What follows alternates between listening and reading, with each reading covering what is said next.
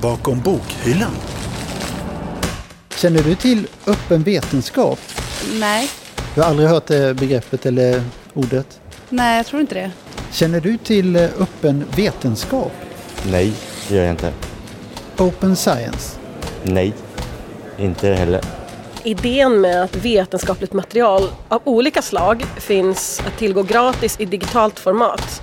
Stockholms universitet är nog det universitetet i Sverige som är ledande i idéer om hur vi ska nå öppen vetenskap. Det vore ju toppen om vi kunde erbjuda mer litteratur gratis till studenter så att fler kan plugga och läsa samtidigt. Universiteten i hela världen har satts i ett beroendeförhållande till de stora vetenskapliga förlagen. Och det är ju ett system som vi måste försöka ändra på.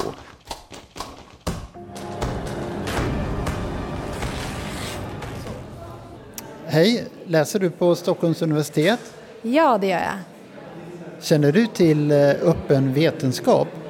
Eh, nej, det är ingenting som jag känner till. Har du- vad är det? Har du hört begreppet? nej, Har du hört open science? nej, alltså ingenting som ringer en klocka direkt i alla fall. Ja, ungefär så här lät det när Urban Göransson frågade studenter och andra på Stockholms universitet om de visste vad öppen vetenskap betyder. Och det är kanske inte helt enkelt att hålla koll på alla begrepp som finns inom paraplyet för öppen vetenskap.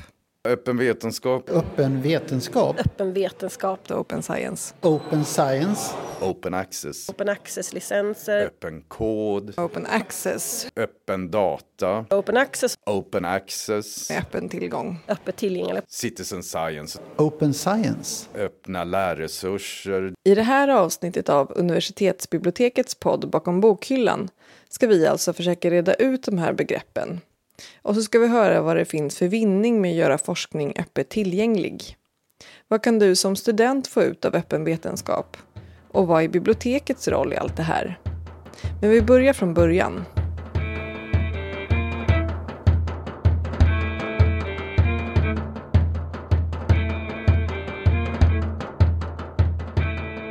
Jag heter Sofie Wenström. Jag jobbar på Stockholms universitetsbibliotek som utredare och eh, expert på publicering. Vad innebär öppen vetenskap eller open science egentligen? Alltså begreppet öppen vetenskap det syftar till att beskriva idén med att vetenskapligt material av olika slag finns att tillgå gratis i digitalt format. Under en lång tid framöver ska väl sägas också. Men öppen vetenskap kan tolkas ur olika aspekter och det kan inkludera mer än bara artiklar och böcker och till exempel innefatta forskningsdata eller andra typer av resultat eller, eller så. Så vad menas egentligen med open access? Ja, det är ju lite knöligt det där för skillnaden mellan open access och open science är inte jättestor egentligen.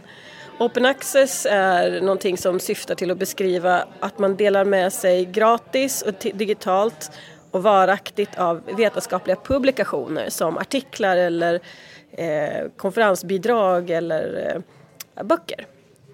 Eh, Medan Open Science och kan också syfta till att man arbetar öppet genom att till exempel ha öppna forskningsdata eller digitala labbböcker som man delar med sig av. Eh, men det är såklart ett mycket större begrepp än så. Open Science syftar till att beskriva allt som vi gör på universitetet som öppet.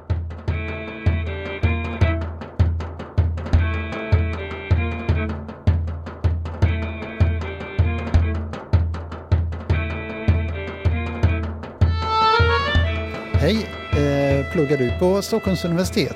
Ja, det gör jag. Vad läser du? Eh, matematik? Känner du till eh, öppen vetenskap? Nej, det gör jag inte. Open science? Nej, inte heller.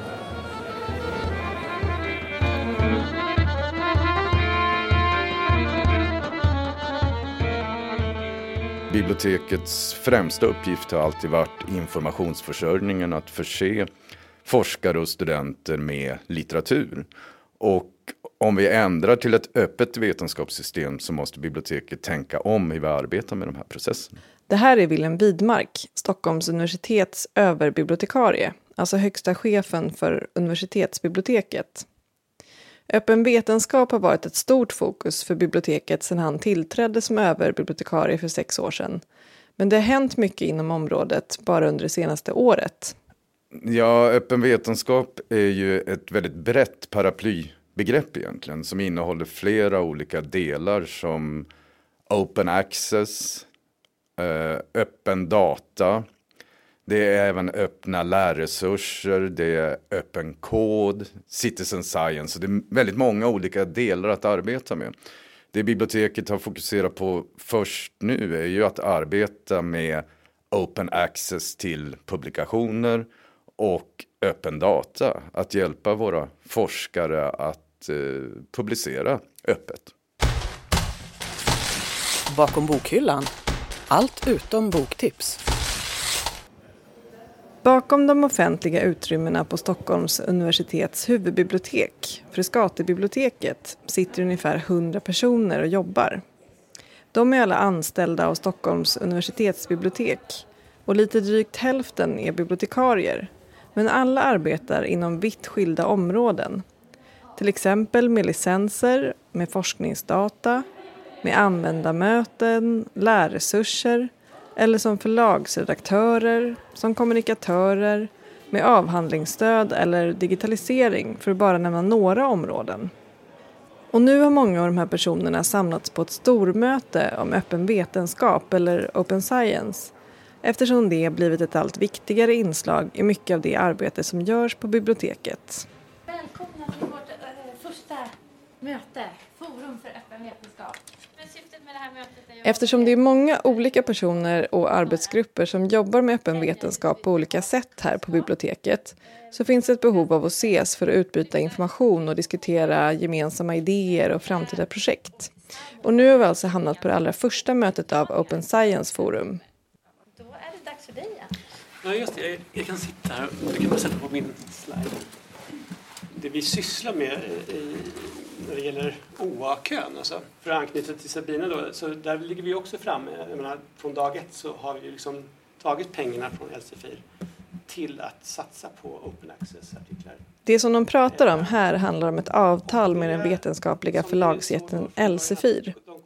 I somras så sa alla Sveriges forskningsbibliotek upp sitt avtal med förlaget för att parterna inte kunde komma överens om en rimlig prisbild och en hållbar lösning för övergången till öppen vetenskap. Förhandlingarna gick via Bibsam, ett konsortie som tecknar avtal för elektroniska tidskrifter och databaser för universitet, högskolor och myndigheter i Sverige. Och där sitter Stockholms universitets rektor Astrid Söderberg Widding som ordförande och överbibliotekarie Wilhelm Widmark som vice ordförande. Det här är en väldigt komplicerad historia egentligen. Grunden är ju att universiteten i hela världen har satts i ett beroendeförhållande till de stora vetenskapliga förlagen. Det är inget fel i det, de, men vi har en väldigt hög kostnad för den produktion av vetenskap som vi gör. Det är alltså universitetens forskare som gjort det vetenskapliga jobbet och skrivit artiklarna.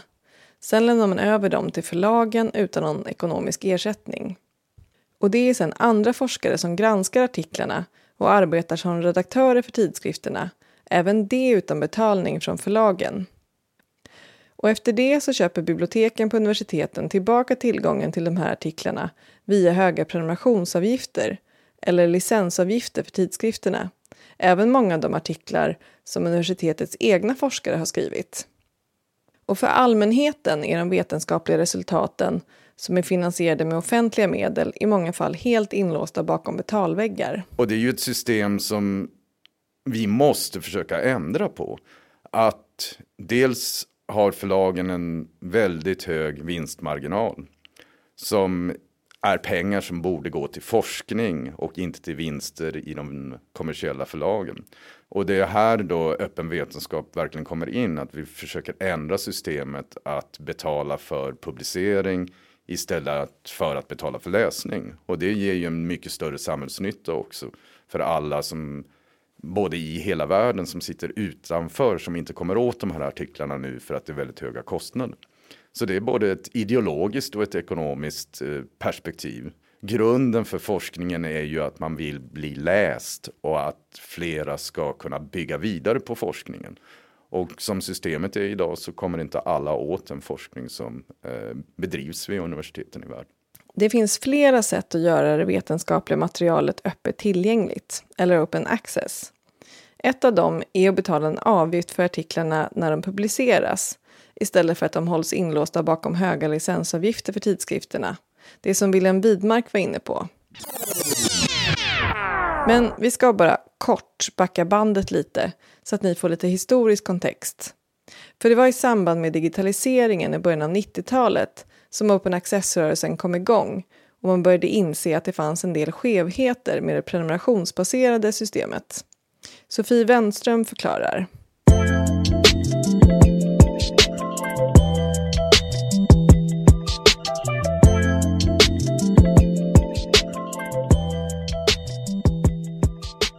Man kan väl säga ungefär så här att i början av 90-talet så var allt eh, prenumererat material. Så du kunde inte komma åt de här tidskrifterna eller böckerna om du inte betalade väldigt mycket till de här förlagen. Och det var så pass mycket så att man var tvungen att ta det abonnemangen via biblioteken och gå, till, gå ihop, eller kanske till och med gå ihop flera universitet och betala för de här eh, prenumerationerna. Men nu ser vi en utveckling att det är ungefär 40 procent av världens sammanlagda publikationer som finns öppet tillgängliga på ett eller annat sätt. Eh, det kan vara i lite olika versioner, det vill säga manusversioner eller slutgiltiga versioner, men, men ungefär 40 procent. Men, men målet i EU till exempel är att vi ska ha 100 procent tillgång till allt forskningsmaterial som publicerats innan 2020. Och det är ju ganska snart. Så det är det vi jobbar med ganska mycket på biblioteket nu, att försöka få det att hända. För vi tror att forskningen och undervisningen blir bättre om det är lättare att få tag i material, grundmaterialet.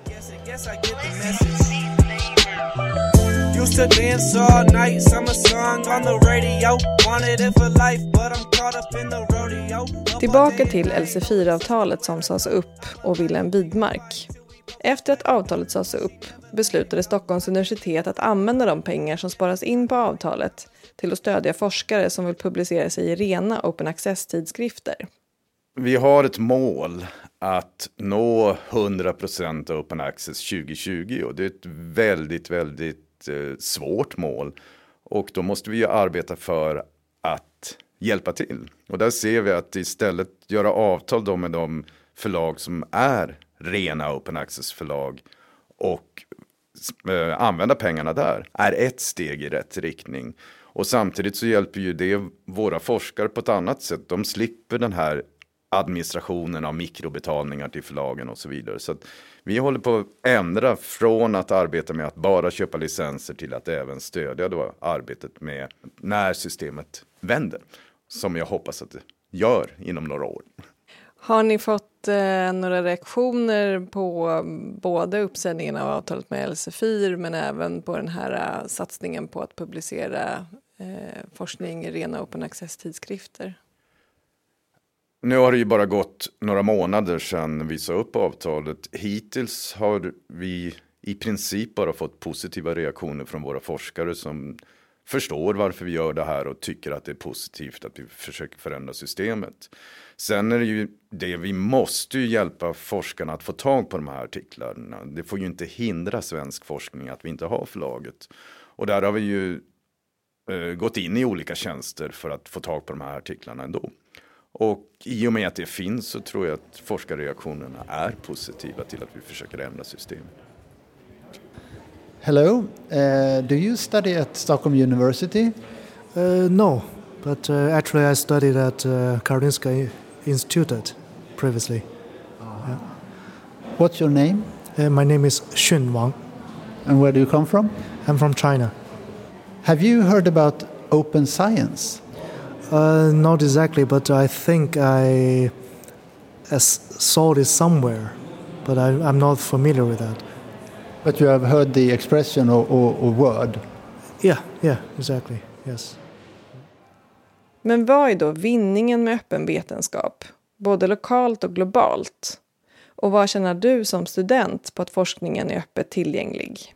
Biblioteken har en uppgift i att samla ihop och sortera material och göra det tillgängligt för sina studenter och forskare. Eh, men om vi gör det open access så skulle vi kunna samordna bättre de kostnaderna som det innebär. Vi skulle också kunna eh, nå andra målgrupper som vi kanske inte når annars. Till exempel folk som har en lång universitetsutbildning men som är i arbetslivet nu och inte har tillgång till universitetsbiblioteket.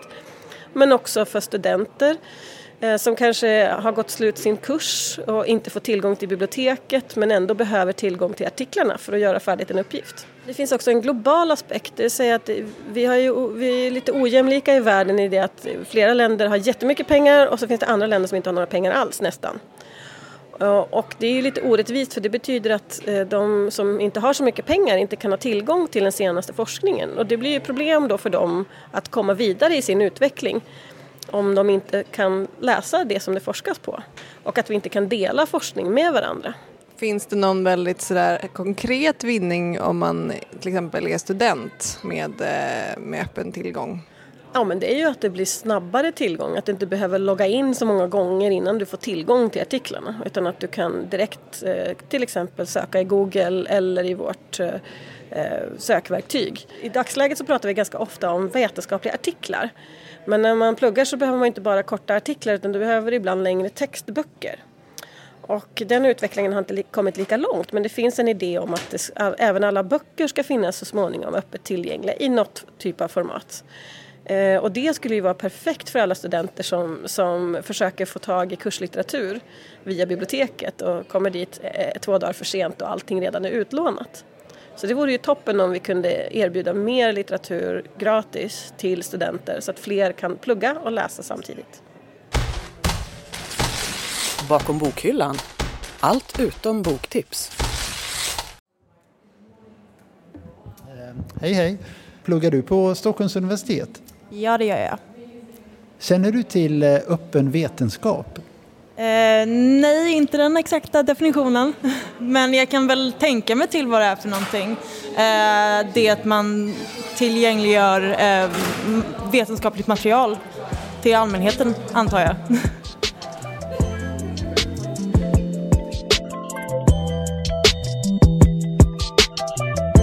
like it was my ego. Maybe it's my decisions. Anyways, here we go. Stockholms universitet är nog det universitetet i Sverige som är ledande i idéer om hur vi ska nå öppen vetenskap. Och där har ju Astrid varit väldigt drivande och jobbar nationellt med de här frågorna. Det är inte bara ett fokusområde för biblioteket utan det är ett fokusområde för Stockholms universitet som är en viktig fråga i förhållande till digitaliseringens utveckling och hur vi kan öppna upp forskningen och sprida dess resultat.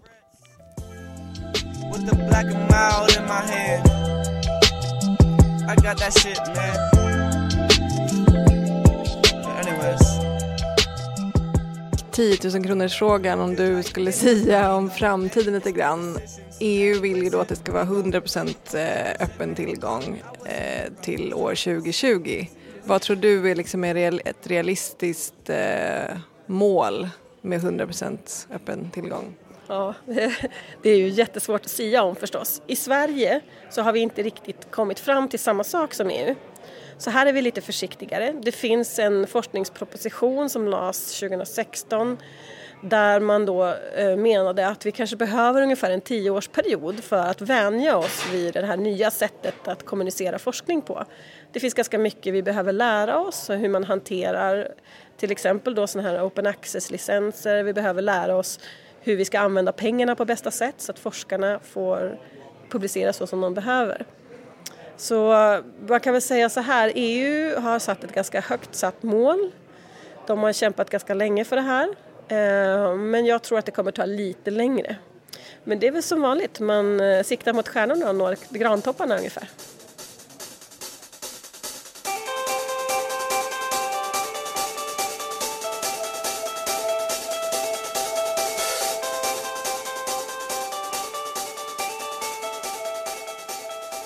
Du har hört det femte avsnittet av universitetsbibliotekets podd Bakom bokhyllan.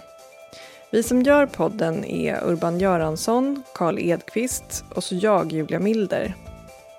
Men du kanske undrar vad forskarna själva säger om öppen vetenskap? Eller hur framtiden för open access ser ut? Det och mycket annat kommer du få höra längre fram i kommande avsnitt av Bakom bokhyllan. Och nästa avsnitt av podden hör du om två veckor igen. Vill du kontakta oss eller få mer information? Gå in på universitetsbibliotekets webb su.se biblioteket bakom bokhyllan. Signaturen i programmet är hämtad ur stycket i Zeitung, komponerad av tonsättaren Stefan Levin. Och musiken som du hörde i det här avsnittet är licensierad under Creative Commons. Alla våra låtlistor hittar du på vår webbplats